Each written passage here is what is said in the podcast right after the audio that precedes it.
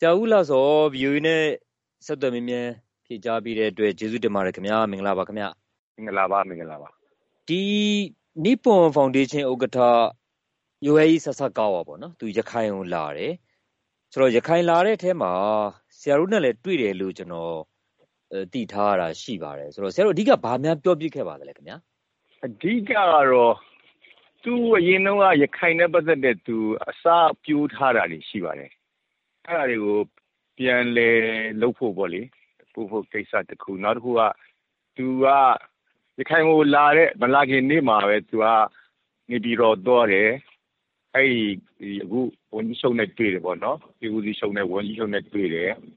အဲ့တော့ဝန်ကြီးချုပ်နဲ့တွေ့ပြီးတော့သူပြောတဲ့အတိုင်းဆိုရင်သူကဒီ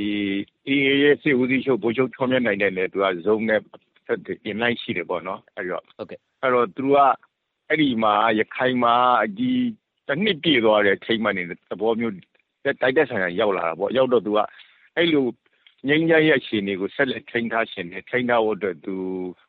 ဒီဘက်ဗမာတက်မတော်ဖက်ကိုလည်းသူမေတ္တာရက်ခံထားတယ်ဒီအေဖက်ကိုလည်းသူပြောထားတယ်ပြီးတော့ဒီမှာသူဖော်ဆောင်စရာရှိတယ်နော် IDB လုပ်ငန်းတွေနော်အဲ့ဒီခါတွေကိုတဲ့အကူအညီပေးဂျပန်ပြည်အကူအညီပေးမှခါတွေကိုသူဆက်လက်လုပ်ဖို့အတွက်အစီအစဉ်ရှာဖို့လာတယ်အဲ့ဒီဟာကိုလည်းအဲ့ဒီအကြောင်းလည်းသူ သူတည်င်းစကားပိုင်း ရခိုင်ပြည်အရှင်တွေလည်းခိုင်ပြည်နိုင်ငံရေးစိတ်ဟိုလာတဲ့နဲ့တွေ့တွေ့ပြီး စကားပြောရင်း လာတာပါ အဲ့ဒီသဘောပါအဓိကတော့ အဲ့ဒါပါ ဟုတ်ကဲ့ ဆိုတော့ ဆရာတို့ သူနဲ့တွေ့တဲ့အချိန်မှာ အဓိက ရလိုက်တဲ့အချက်က ဘာလို့ ပြောလို့ရပါသလဲခင်ဗျာ အဓိက ရလိုက်တဲ့အချက်ကတော့ ကျွန်တော်တို့ဒီရုပ်ဝတ္ထုပိုင်းဆိုင်ရာအနေနဲ့ သူကတော့ ရခိုင်မှာ IDB တွေအတွက်တော့ပတ်စံတွေ တော်တော်များများသူကူညီထောက်ပံ့ပေးမယ်ပေါ့ အဲ့ဒါကို သူဒီပုံဖောင်ဒေးရှင်းကနေပြီးတော့ဟို management လုပ်မယ်ဒီကဒီကအဖွဲ့အစည်းတွေနဲ့ပူးပေါင်းညှိနှိုင်းပြီးတော့လုပ်မယ်အဲ့ဒီကတိကိုရဲ့နောက်တစ်ခုကတော့ဒီသူကသူပြောတဲ့အထက်မှာတော့သူ့ဆရာကြားတဲ့စကားကတော့ဒီမြန်မာတက်မတော်နဲ့အေးရခိုင်တက်တော်ကြားထဲမှာအခုရှိနေတဲ့ gentleman agreement သဘောမျိုးပဲငញ្ញရေးကပိုပြီးခိုင်ပါစေဖို့ဒီထက်ကောင်းတဲ့အနေအထားတစ်ခုကိုသူ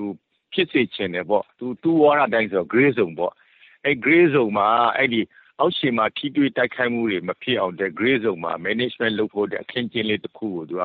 condition နဲ့ဟိုသူဟိုဘက်လည်းပြောထားတယ်ဒီဘက်လည်းပြောထားတယ်လို့တော့ပြောပါတယ်ဟုတ်ကဲ့ဆရာကိုယ်တိုင်က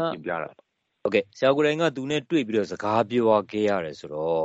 အဲ့ဒီလိုသူနဲ့တွေ့ဆုံစကားပြောခဲ့ရတာကနေပြီးတော့ရခိုင်ပြည်မှာဒီထက်ပိုပြီးတော့ခိုင်မာတဲ့တည်ငြိမ်အေးချမ်းရေးအတွက်ဆရာဘယ်လောက်ထိစိတ်အေးရတဲ့ခံစားချက်မျိုးရပါသလဲဆရာ ကျွန်တော်ကတော့အဲ့လောက်ကြီးတိတ်အကြီးကြီးမားမားတော့ခိုင်မာကြီးပေါ့လေတကယ်ဒီထက်ပိုကောင်းလာတဲ့ငញ្ញရဲ့အဆင့်တစ်ခုကိုရောက်သွားရင်ဥပမာဆိုတော့ bilateral ထိုးတာလို့ပေါ့နော် NCA ကတော့တော်တော်ဝေးပါတယ် bilateral ထိုးအဆင့်ရောက်ဖို့အဲ့လောက်ကြီးလဲသူမျော်မှန်းတယ်လို့ပေါ့တော့အချိန်တူလို့တက်မှာတော့ရောက်နိုင်မှာမဟုတ်ဘူးသူလိုချင်တာကတော့အဲ့လိုပေါ့လေပူခိုင်မာလဲဆိုတာ bilateral လို့ခင်းချင်းတစ်ခုပြောက်ဖို့အတွက် grey zone ပေါ့လေဒီမှာဟိုဘက်ကလည်းထိန်းချုပ်တာဒီဘက်ထိန်းချုပ်တာတဲ့ area တွေမှာ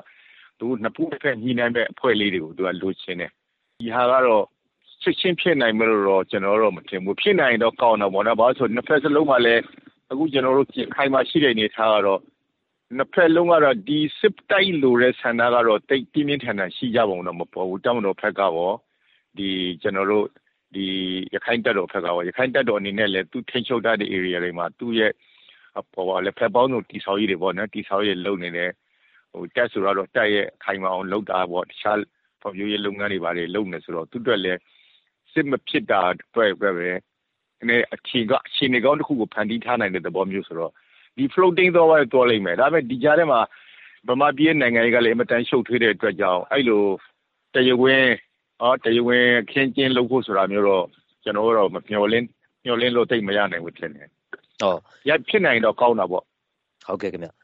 မစ္စတာဆာဆာကာဝါက ရခိုင်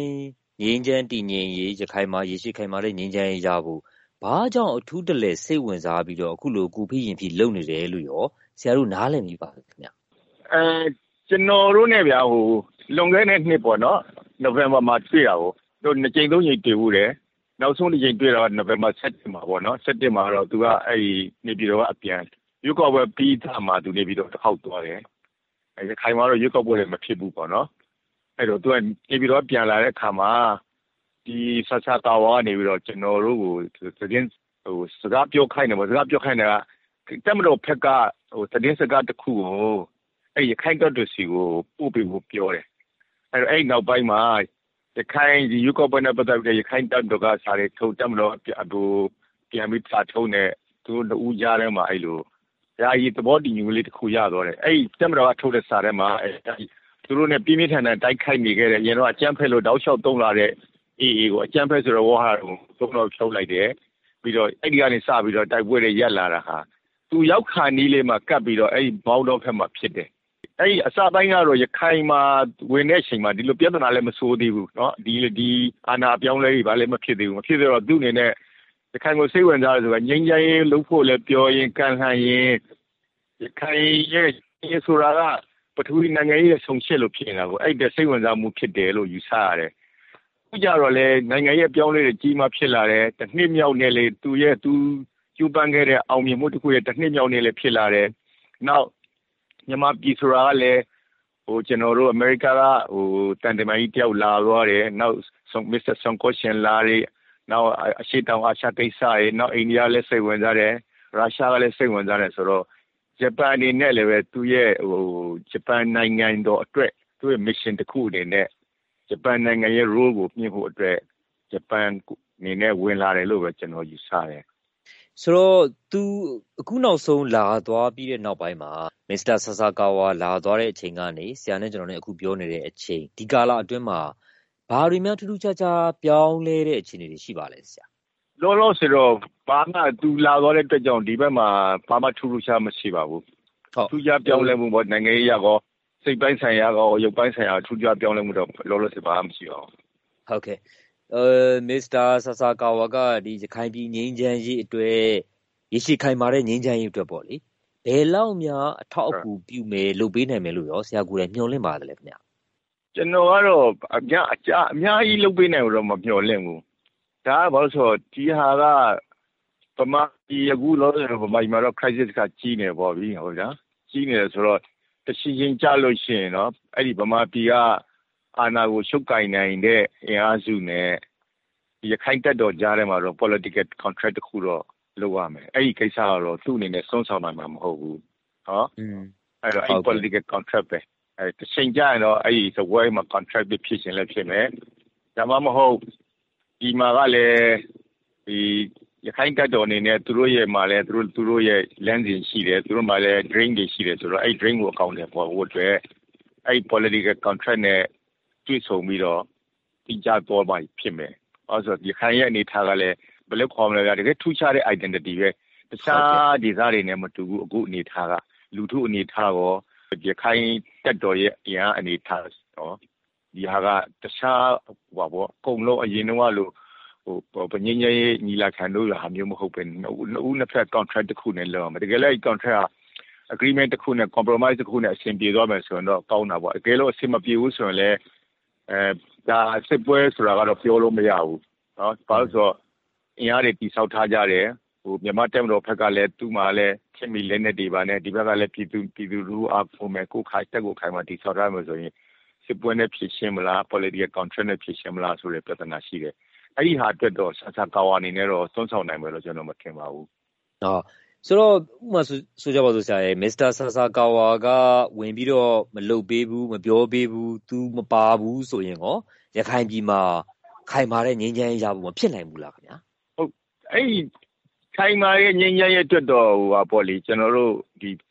တားတရားရာစုတစ်ခုတော့လိုပါတယ်ဒါကတော့ဘယ်ဘယ်နိုင်ငံဖြစ်ဘယ်နိုင်ငံရေးမှာဖြစ်ဖြစ်ဘယ်လူမျိုးမှာဖြစ်ဒါကတော့ရှိမှာပေါ့ဒါပေမဲ့အဲ့ဒီအဲ့ဒီအဲ့ဒီအခန်းကဏ္ဍမှာတော့သူ့အနေနဲ့ပေးပါအလကလေးအဲ့ကနေပြီးတော့ပပကူညီနိုင်မှုတော့ဆင်းတော့ရှိတာပေါ့ဒါပေမဲ့အဓိကတော့နှစ်ဦးနှစ်ဖက်ပါပဲဟုတ်ကဲ့ခင်ဗျအဲ့တားရရစုကဘာလို့ဆိုတော့ဟုတ်ကဲ့ပါခင်ဗျသူ့အနေနဲ့ကြတော့ဒီတားရရစုကိုနည်းနည်းကူညီပေးနိုင်ဆိုတာ ဆာဆာကာဝါနဲ့ဒီတက်ချုပ်ကြီးနဲ့ကြမှာတော့အင်မတန်ဟောဘယ်လိုခေါ်မလဲယုံကြည်တဲ့ဆက်ဆံမှုမျိုးရှိတယ်လို့ယူဆရပါတယ်อืมอืมလက်ရှိရခိုင်ပြည်နယ်ရဲ့တည်တည်ငြိမ်ငြိမ်ရှိနေတဲ့အခြေအနေပေါ့နော်တိုက်ပွဲကလည်းပဲပြောရရင်တော့ပြီးခဲ့တဲ့သတင်းပတ်တွေအတွင်းကနည်းနည်းလေးထိစပ်မှုလေးရှိခဲ့ကြတယ်လို့ရေပုံအားဖြင့်တည်ငြိမ်နေတယ်ဆိုတဲ့အခြေအနေမျိုးရှိတဲ့အခါကျတော့အဲ့ဒီလက်ရှိရခိုင်ပြည်နယ်ရဲ့တည်ငြိမ်မှုကိုကျွန်တော်တို့ဘယ်လိုများနားလည်လို့ရမလဲဆိုတာဒီတည်ငြိမ်မှုကဘယ်လိုများရှိနေကြပါလဲအခုကတော့ ခိုင်ပြည်ရဲ့တည်ငြိမ်မှုဆိုတာတက်မတော်ဘက်ကကြည့်မယ်ဆိုရင်လည်းရခိုင်မှာဗမာပြည်မှာကအမတန်ပြင်းထန်တဲ့စစ်ရေးတိုက်ခိုက်မှုတွေနဲ့ crisis တွေနဲ့နော်စီစီဘောရဲ့ဖက်ပေါင်းတို့ရင်ဆိုင်ကြော်တော့နေရတဲ့ကာလတစ်ခုမှာရခိုင်မှာပြဿနာမဖြစ်ဘူးစစ်ရေးရငြိမ်နေဆိုရင်တက်မတော်အတွက်လည်းကောင်းတာပေါ့ကောင်းတယ်ပေါ့နော်သူတို့စစ်စစ်စစ်ဖြစ်ရှင်တဲ့ဆန္ဒတော့သူတို့မရှိဘူးဖြစ်ရင်တော့သူတို့နဲ့အများကြီးနစ်နာမယ်ဆိုတော့လည်းသူတို့တိပုံရပါတယ်ဘာလို့ဆိုတော့ဒါလည်းရှင်းချင်းလေးပါပဲ ရခိုင်စစ်မျက်နှာဆိုရင်တော်တော်အရင်တော့ဆိုတော်တော်လေးအတိအကျတိုက်ခိုက်ရတဲ့စစ်မျက်နှာအဲအဲ့တော့ဒီဘက်ကရခိုင်တက်တော်ဘက်ကကြည့်မယ်ဆိုပြန်ရင်လည်းခုဆိုရင်ကျွန်တော်တို့ဟိုကောက်ပေးသိနိုင်နေရိတ်သိမ်းတဲ့အချိန်နော်ရခိုင်ပြည်မှာတည်တည်ငြိမ်ငြိမ်အေးဆေးဖြစ်နေတယ်ရခိုင်လူထုကလည်းပဲငြင်းငြင်းချမ်းချမ်းဖြစ်နေတယ်ရခိုင်လူထုရဲ့ဒီအေးပေါ်မှာအကိုတဲ့စိတ်ကလည်းအယမ်းမြင်မာနေတယ်အေးကလည်းသူ့ဟာသူတီဆောက်ထားတယ်ဆိုလို့ရှိရင်သူ့အတွက်လည်းဒါအခွင့်ကောင်းအခွင့်ခါကောင်းတစ်ခုပဲအဲ့တော့သူက နှစ်ဦးနှစ်ဖက်အကျိုးရှိတဲ့အနေအထားတစ်ခုဖြစ်တယ်က floating သဘောမျိုးတွားနေတယ်လို့ပဲကျွန်တော်မြင်တယ်ဒါပေမဲ့ဒီကရရေရှည်တော့တွားနိုင်မှာတော့မဟုတ်ဘူးတစ်ချိန်ချိန်မှာဆိုတော့သူ့ dream ကိုသူအကောင့်ထဲပေါ်မဲ့ချိန်ကြလို့ရှိရင်တော့ကျွန်တော်ပြောသလိုပဲစပွဲပေါ်မှာပဲနှစ်ဦးချင်းစကားပြောကြမလားဒါပေမဲ့စိတ်တည်တာပဲဆုံးဖြတ်ကြမလားอืมတစ်ခုတစ်ခုပေါ့နော်စပွဲဝိုင်းမှာစင်တစ်ခုကိုလည်းပုံမြင်တော့မလားဒါမှမဟုတ်မရှောင်မလွဲတာပဲဗနက်တွေဖောက်ပြီးဖြစ်ချင်းကြမလားဆိုတာတော့ ဒါကျွန်တော်တို့စောင့်ကြည့်ရမှာပဲဟုတ်ကဲ့အခုလက်ရှိတည်ငြိမ်နေတဲ့အခြေအနေကနေပြီးတော့ဒီထက်ပိုပြီးတော့ခိုင်မာတဲ့တည်ငြိမ်မှုဒီထက်ပိုပြီးတော့ခိုင်မာတဲ့ငြိမ်းချမ်းရေးရဖို့အတွက်ဆိုရင်ဆရာအမြင်အဖြစ်ပေါ့နော်အဓိကဘာလုပ်ဖို့လိုမယ်လို့ဆရာယူဆပါလဲဒီထက်အဆင့်မြင့်တဲ့ဟိုဟောပေါ့ agreement ပေါ့နော် bilateral agreement မျိုးဆိုရင်တော့ကောင်းတာပေါ့ဒါပေမဲ့ဒီဟာလေးကျွန်တော်ကသိဖြစ်နိုင်မလို့မထင်ဘူးထင်ဘူးဆိုတာကဘာလို့ဆိုတော့ဒီ ဒီတက်ဒီခိုင်းတက်တော်အနေနဲ့လေသူ့မှာကမဟာမိတ်အဖွဲ့အစည်းတွေရှိသေးတယ်သူတယောက်တည်းဖောက်လို့လို့ရတဲ့ကိစ္စမဟုတ်မဟာမိတ်အဖွဲ့အစည်းတွေရှိတယ်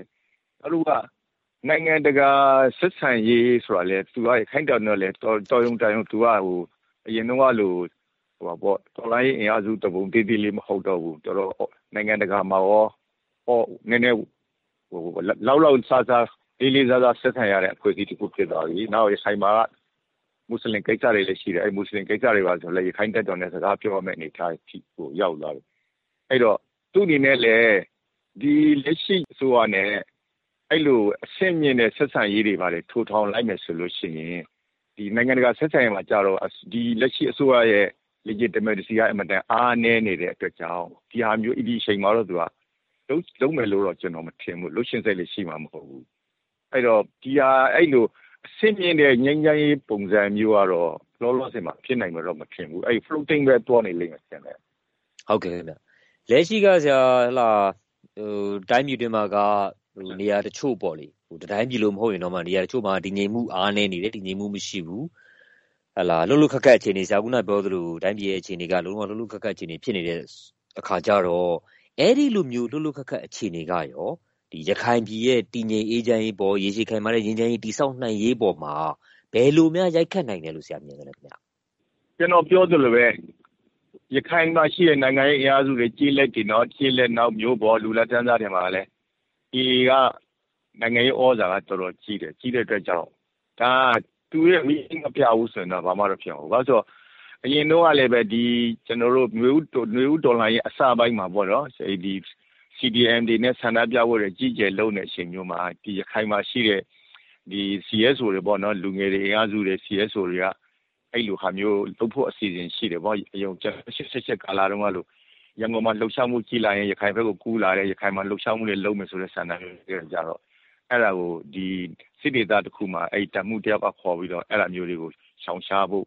နော်ကိုယ့်အကိုအေးဆေးနေပြီးကိုကိုတီဆောက်ကိုဒေသတီဆောက်ရေးငြိမ်းချမ်းရေးပဲလုပ်ကြဖို့ဆိုတာကိုခေါ်ပြီးတော့ ကြံပေးတယ်ပေါ့လို့အကြံပေးတာတစ်ပိုင်း warning လုပ်တာတတိပေးတာတစ်ပိုင်းဖြစ်တဲ့အတွက်ကြောင့်နောက်ပိုင်းမှာတော့ဒီဘက်မှာ CDN တွေလည်းမရှိဘူးနော်အဲ့တော့လူထုကလည်းပဲ CDN မရှိတော့ဘူးအဲ့သူတို့မှလည်းဒီလက်ရှိလက်ရှိအစိုးရနဲ့လည်းတိတ်ဟောပေါ့အဆင်ပြေကြီးလည်းမဟုတ်ဘူးဆိုပေမဲ့ကြီးလက်ဒေတာပိုင်းမှာတော့သူကဒီတက်တော်နဲ့အဆင်ပြေတယ်ဆိုရင်သူတို့ကသူတို့အဲ့ဒီမှာတရားဥပဒေကိစ္စတွေရောပညာရေးကိစ္စပါပညာရေးကိစ္စစိုက်ပျိုးရေးကိစ္စတွေရောသူအဲ့သူသူတို့နဲ့ပဲ ရင်ပါပြီးတော့လှုပ်လှုပ်နေရတဲ့ပုံစံမျိုးဖြစ်နေအဲ့တော့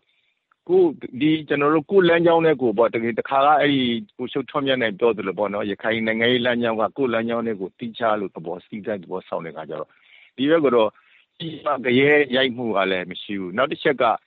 ဒီဘက်ကလည်း NLD ကလည်းနိုင်ငံရေးဩဇာကအင်မတန်အားနည်းပါတယ်။နော်ဒီဘက်မှာမြောက်ပိုင်းတို့ပါတောင်ပိုင်းမှာတော့ရော့ပါဆိုတော့ NLD လိုလားတဲ့အင်အားစုတွေကလည်းမရှိသလောက်ပဲဒီဘက်မှာနိုင်ငံရေးအင်အားစုဆိုတာ အဲ့တော့အဲ့ဖက်ကကြရက်ကတော့ ဒီဘက်ကို ကြီးကြီးမားရိုက်ဆက်အကြောင်းမရှိဘူး ဆိုတော့ လက်ရှိကဆရာစစ်တပ်က အာဏာသိမ်းထားတဲ့ အခြေအနေပေါ့နော် တိုင်းပြည်မှာက ဒီစစ်တပ်က အာဏာသိမ်းထားတဲ့ အခြေအနေအောက်မှာ ရခိုင်ပြည်ငြိမ်းချမ်းရေး တည်ငြိမ်ရေး ခိုင်မာဖို့ဆိုတာက တကယ်တမ်း ဖြစ်နိုင်ခြေရှိတယ်လို့ ဆရာ ယူဆပါသလားခင်ဗျာ